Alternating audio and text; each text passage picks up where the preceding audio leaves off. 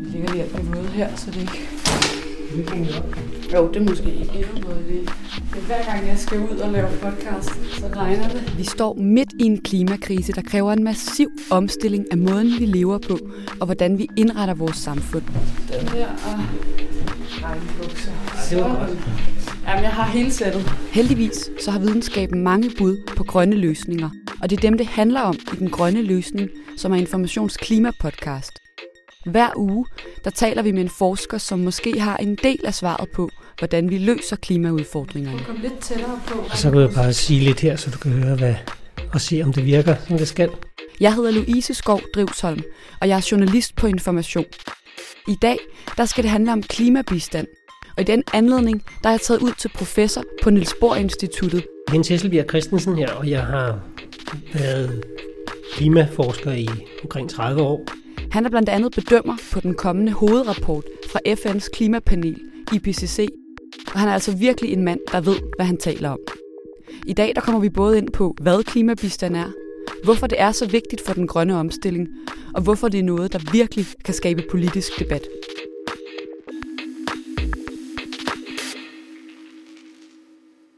En af de ting, der trods alt kom ud af det skuffende COP15-møde tilbage i København i, i 2009, det var, at øh, alle de i-lande, der mødtes, de blev enige om, at de ville yde en massiv klimabistand, som det hedder, til, til de mere sådan sårbare ulande. Og den skulle være på svimlende 100 milliarder dollars årligt fra år 2020. Og, og 2020, det er jo faktisk nu, øh, men intet tyder på, at øh, man kommer til at realisere de her forpligtelser i forhold til, til klimabistand. I hvert fald ikke i det omfang, man havde forpligtet sig på.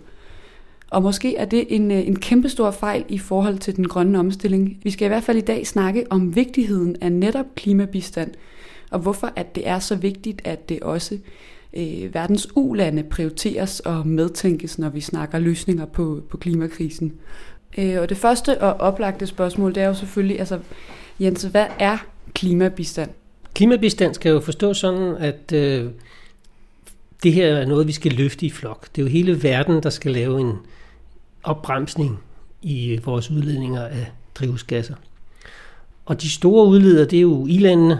Vi har gjort det i meget lang tid, men vi har også mange steder fundet ud af at omstille os og finde veje, så, så vi, har, vi vækster ikke i vores udledninger. Så er der ulandene, som jo gerne vil udvikles. Og udvikling, det kommer fra blandt andet, at man har adgang til energi. Og energi er langt de fleste steder i verden olie, kul og gas, som tilbydes fra en lang række andre ulande, og selvfølgelig også fra industrilandene. Og derfor så er, var en af idéerne tilbage i COP15, var jo at få taget hul på to ting. Den ene, det var, hvordan laver man grøn omstilling i ulandene? Og den anden del, det er, at vi er allerede ved at realisere en række klimaforandringer. Og det betyder, at mange ulande øh, står foran at skulle tilpasse sig i en anden form. Okay, så man kan altså sige, at klimabistanden er kendetegnet ved at gå til nogle af de her ulande, som er ved at gennemgå noget af den udvikling, vi allerede har gjort i i-landene, og så er den kendetegnet ved både at blive, være udgjort af penge til grønne tiltag, men også penge til tilpasninger, som følger af de klimaforandringer, der allerede sker.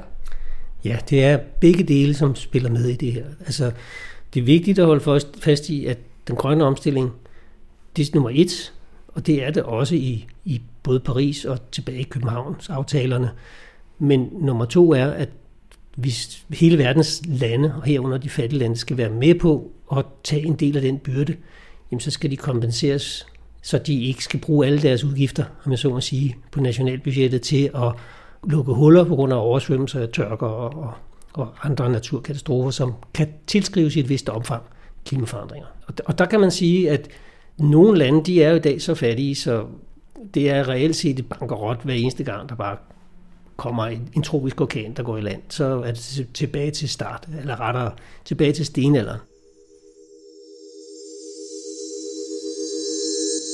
Men, men hvorfor er det, at den her øh, klimabistand er så vigtig en del af løsningerne på, på den globale klimakrise? Det er det, fordi løsningen af klimakrisen stadigvæk foregår i et øh, internationalt perspektiv. Altså meget af de her forhandlinger er jo ikke filantropiske. De har jo gået an på, at der skal være en win-win situation. Og det tror jeg er mm, en stor del af motivationen, for eksempel for hvad der sker i Danmark. Hvis vi er first movers, så får vi nogle, nogle muligheder, som andre ikke har. Og her skal man jo tænke på, at det kommer jo på en bekostning af for eksempel ulandene. De bliver jo så ikke first movers. De får ikke den industri, der drager den fordel. Det er os, der drager den fordel. Og dermed så bliver ulandene snydt igen. Og det, det er den dagsorden, som ulandene selvfølgelig er opmærksom på, og de ønsker at, at kunne påvirke, og derfor så er der en pris. Så man kan sige, at den grønne omstilling er ikke nødvendigvis lige nu og her den bedste forretning, eller i hvert fald ikke det, man har midler til i, i store dele af verden, de lande, vi betegner som ulande, og derfor skal man på en eller anden måde kompenseres for nogle af de mere rige lande, før man forventeligt vil tage del i den grønne omstilling. Det er i hvert fald en del af tankegangen. Den anden del er jo selvfølgelig, at øh, teknologien skal overføres. Det koster penge. Øhm, og hele konceptet om, hvordan man skal finansiere det, det er, det er jo for eksempel ikke på plads. Og det er jo det, som nogle af de her fondsmidler skulle gå til. Hvis man tænker på, hvad det koster at etablere et kraftværk, det er adskillige milliarder. Øhm, og samtidig med, så har de jo alle de andre udviklingsproblematikker, der kan gøre, at de faktisk ikke kan få lånet, fordi det er måske ikke sådan et politisk øh, regime, der er særligt troværdigt, så videre, så videre. Alle de andre ulandsproblematikker kommer ind over her. Og det er derfor, at de her tilsavn sådan overordnet set har været vigtige for at få processen til at glide. Um, det er jo et spørgsmål om, hvor længe man, at, at ulandene holder til, at der ikke sker noget. Det er jo så det, der var meget tydeligt ved den sidste COP, at der blev det bragt tilbage på, på dagsordenen. Ja, ved den seneste øh, klimatopmøde i Madrid var et af de store slagsmål jo netop den her klimabistand. Og, altså, hvorfor er det noget, der kan opstå så stor politisk uenighed om globalt set? Altså, der, der er jo flere elementer i det. Den ene ting er det, vi har, har været omkring allerede med, at uh, ulandene ser, at de bliver overhalet, og de endnu en gang skal bare finde sig i at, og, og, om jeg så må sige, rette ind. Den anden ting af det er jo selvfølgelig, at øh, det ikke er blevet været i talsat før. Altså siden København, siden de her tilsavn, så har man ikke brugt meget energi til at, at, at, at talsætte de her ting. Og, og derfor kom det jo tilbage på dagsordenen, og det tydelige billede i det her er jo selvfølgelig, at, at vi nu er nået derhen til i hele problematikken, hvor, hvor vi skal lave om fra, fra skoletaler til at implementere det. Og så begynder det at koste penge, og det betyder, at langt hen ad vejen, så er der ikke ret mange lande, der er interesseret i at bruge noget på noget som helst.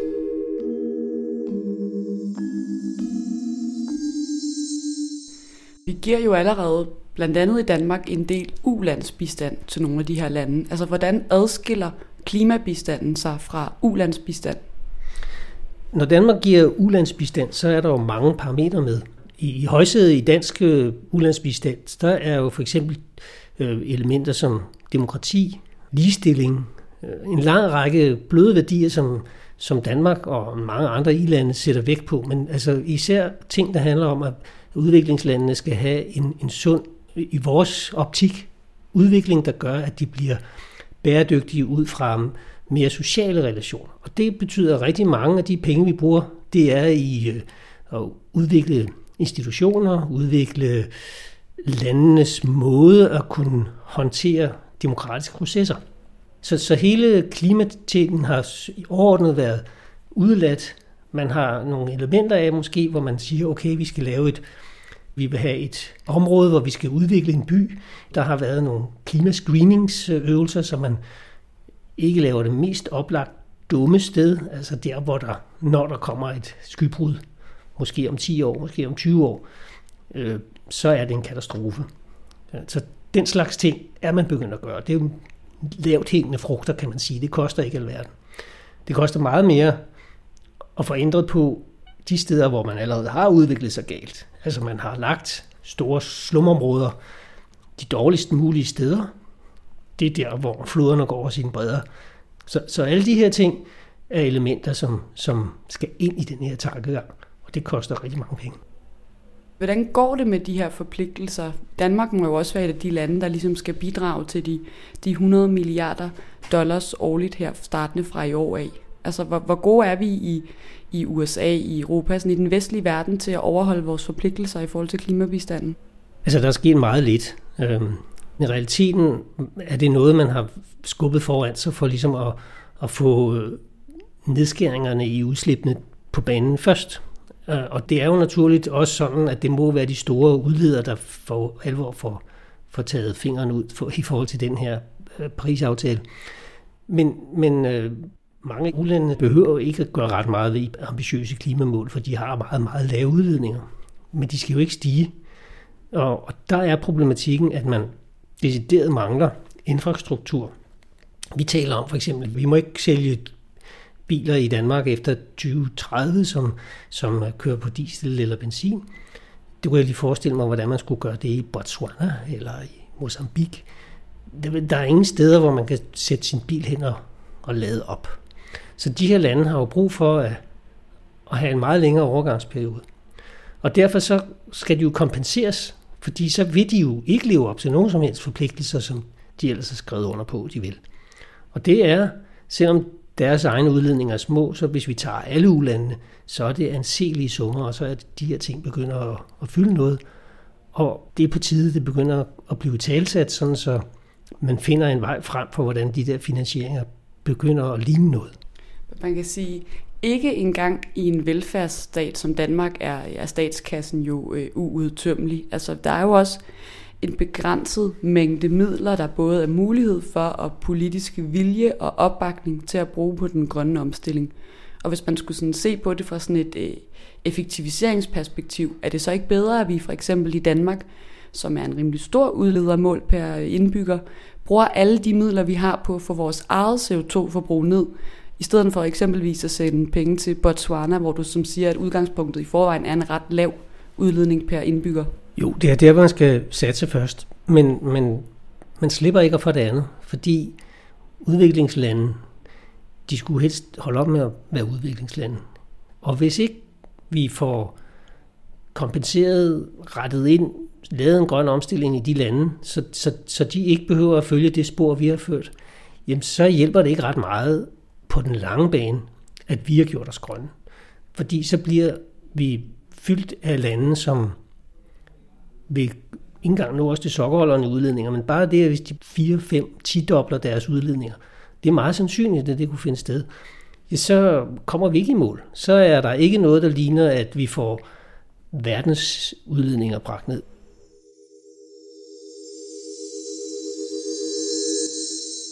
Her til sidst, så kunne jeg godt, trods de øh, forpligtelser, der ikke bliver overholdt, og de midler, der mangler til øh, klimabistanden, godt tænke mig at snakke om nogle af de gode eksempler, der trods alt er på, at klimabistanden kan gøre en forskel.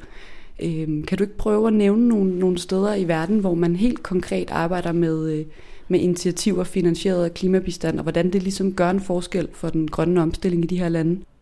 Man kan fremhæve nogle projekter, som rundt omkring i verden øh, måske slet ikke er tænkt som klimaprojekter udelukkende. Vi hører dem om den også som det, men, men meget ofte tjener de nogle andre formål. Det er jo for eksempel reetablering af skov, og der er en række lande i Østafrika, men også i nogle øh, lande i Sydøstasien, hvor reetablering af skov er et element, der finansieres udefra. Og det øh, sker på ret stor skala. Og genrejsning af skov er en meget vigtig element i øh, en grøn omstilling fordi skov optager CO2, altså fjerner CO2 fra atmosfæren. Øh, der er også andre initiativer, som øh, eksempelvis i Vestafrika er der institutioner, der prøver at imødegå ørkenspredning. De er sat i gang via midler, der er doneret udefra. Så, så det var et par eksempler af, hvor det virker godt. Der er også steder, hvor man kan sige, at vores investering i øh, governance til at få godt etableret øh, regeringskontorerne og infrastrukturen i lande som, som Tanzania for eksempel, det har medvirket til, at man i Tanzania har kompetente folk siden, der kan træffe de nødvendige øh, afgørelser og, og finde de løsninger, man har brug for for at håndtere en udvikling, der er mere bæredygtig. Der bliver bæredygtig i en meget bredere forstand, ikke kun klima. Og det tror jeg også er den anden vigtige ting i det her at se, det er, at, at man skal ikke se klimaisoleret, eller det er helt sikkert, det kan man ikke, det er der ikke råd til. Man bliver nødt til at samtænke det med en række andre udviklingsprogrammer. Og, og det er måske der, hvor det hele bliver rigtig vanskeligt i sidste ende. Fordi hvornår er det så nye klimapenge, og hvornår er det den gamle øh, udviklingshjælp, man bare kalder noget andet.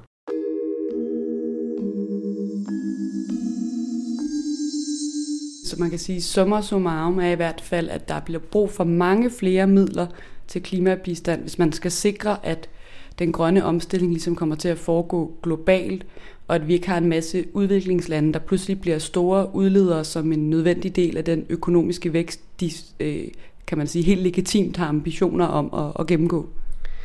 Ja, verden skal være på forkant med det her, og det er klart, at meget af det kan vi jo lære fra i-landene, men man kan bare ikke forvente, at vi kan implementere alt, hvad vi har fundet ud af i Danmark, der virker i et øh, land i Afrika, hvor infrastrukturen er fuldstændig anderledes, og man også kan sige, at de klimatiske forhold er meget anderledes. Så, så det, der virker her, er ikke sikkert, det virker der.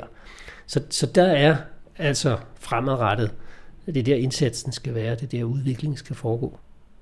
Så det kan, hvis man skal slutte et sted, måske ende med at blive en rigtig god forretning, ikke mindst for kloden, og at, at vælge at prioritere det her klimabistand højere fremover i den globale indsats mod klimakrisen? Det er i hvert fald min klare opfattelse, at, at den samtænkning, der er begyndende inden for det at give ulandshjælp med øh, klimatiltag, det skal intensiveres, og det skal tænkes ind alle steder, ligesom det er jo en naturlig del af nær sagt al udvikling i vores eget land efterhånden, at tænke klima ind i, øh, at, at vi ikke laver hindringer i vejen med, med lovgivningen, der gør en grøn omstilling sværere. Du skal have tusind tak, Jens, for at jeg måtte komme og besøge dig, og du kunne gøre os klogere på, øh, på klimabistand. Mange tak selv. Velbekomme. Og også tak til jer, der lyttede med. Husk, at du kan abonnere på den her podcast i iTunes, eller hvor du ellers lytter. Og at du kan blive endnu klogere på klimaet i Informations Klimanyhedsbrev, eller med vores særabonnement Information Klima. Podcasten her, den er klippet af Astrid Dynesen, og i redaktionen er også Anne Pilegaard, Anton Geist og Martin Bag. Vi lyttes ved.